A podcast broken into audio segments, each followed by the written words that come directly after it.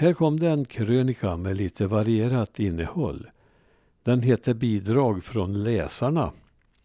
Och det är lite reaktioner jag har fått på tidigare införda krönikor. Den här vart publicerad den 8 juni 2013.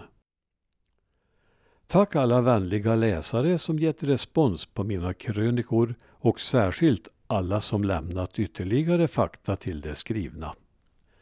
Denna krönika är er och jag redovisar här en del av era bidrag. Dock delar jag inte med mig av honoraret.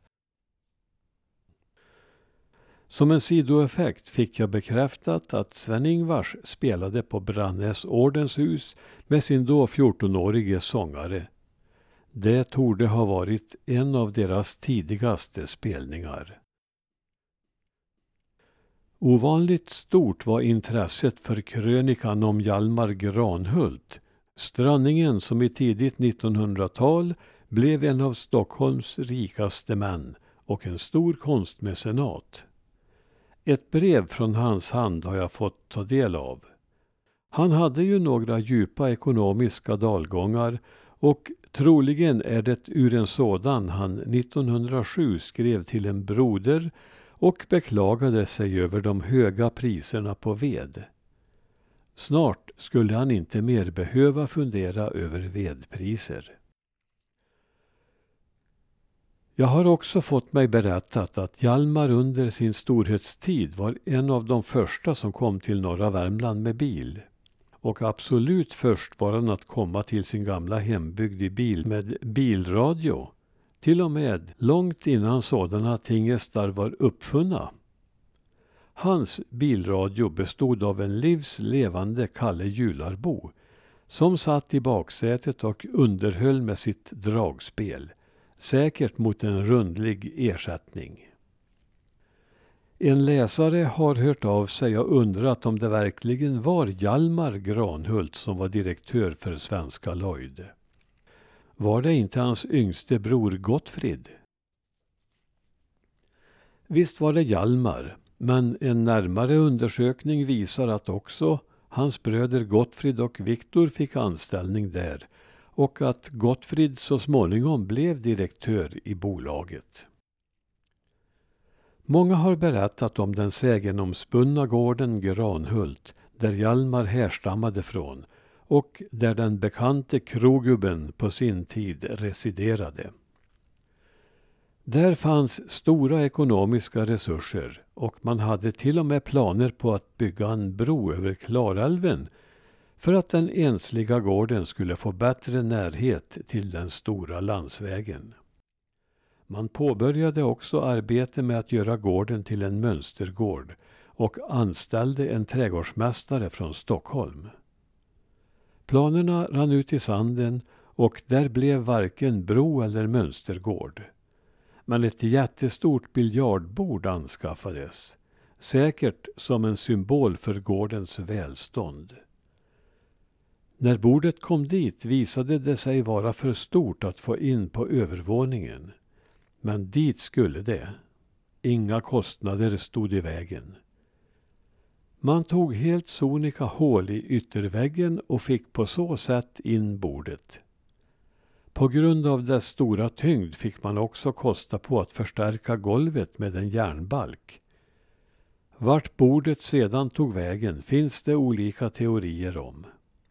Kanske någon läsare vet. Men var järnbalken finns har jag fått veta. Livet på Granhult hade sina mörkare sidor. Det har sagts att folk gärna samlades där och spelade kort på nätterna, ofta med höga insatser och med starka drycker i glasen. En gång uppenbarade sig en stor svart hund för kortspelarna.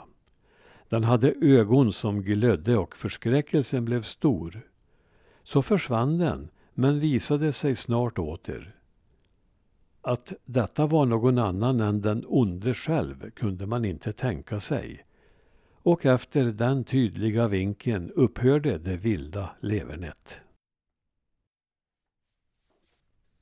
En annan krönika handlade om Torsbyskalden Oskar Stjärne Hans fyra sista levnadsår förmörkades av en allvarlig psykisk åkomma och även i detta elände hade han lite släktskap med Fröding.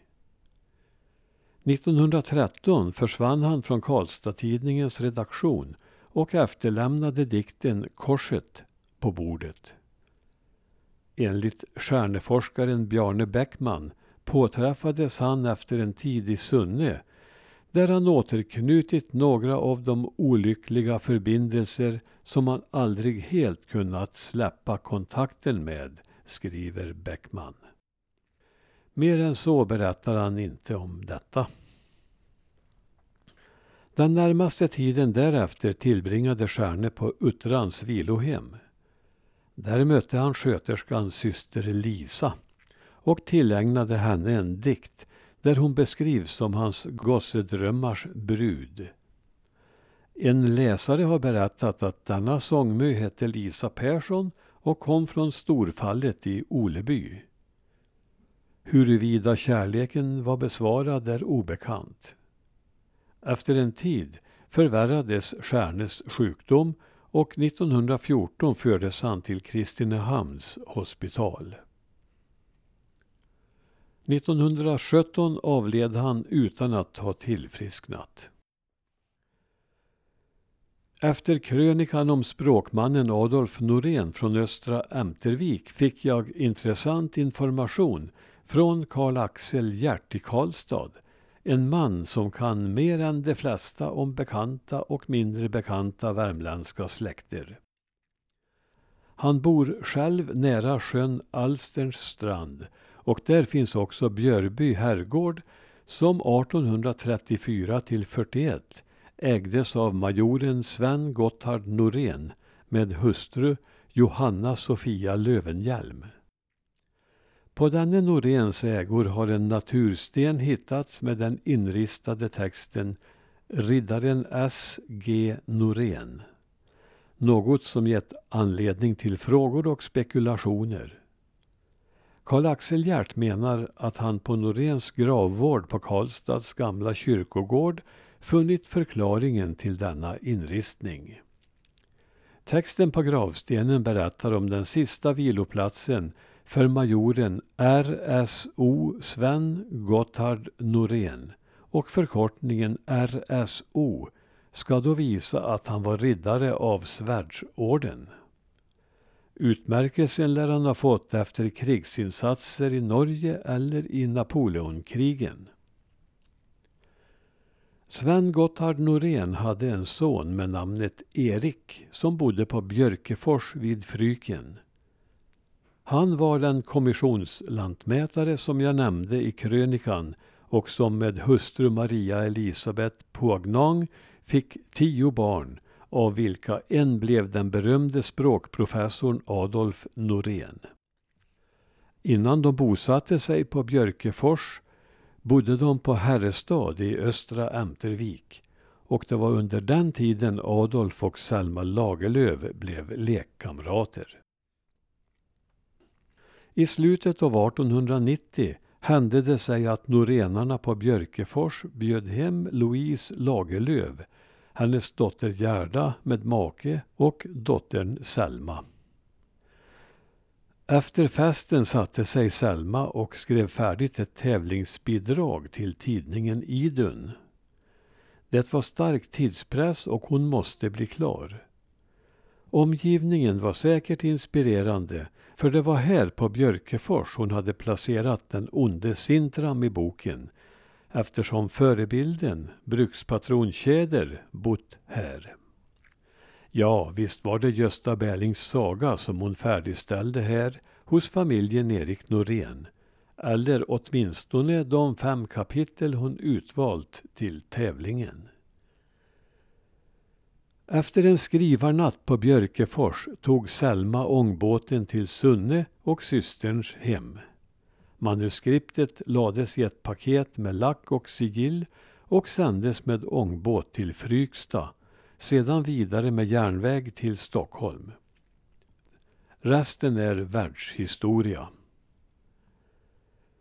På detta sätt fick också ångbåten Freja sin plats i litteraturhistorien.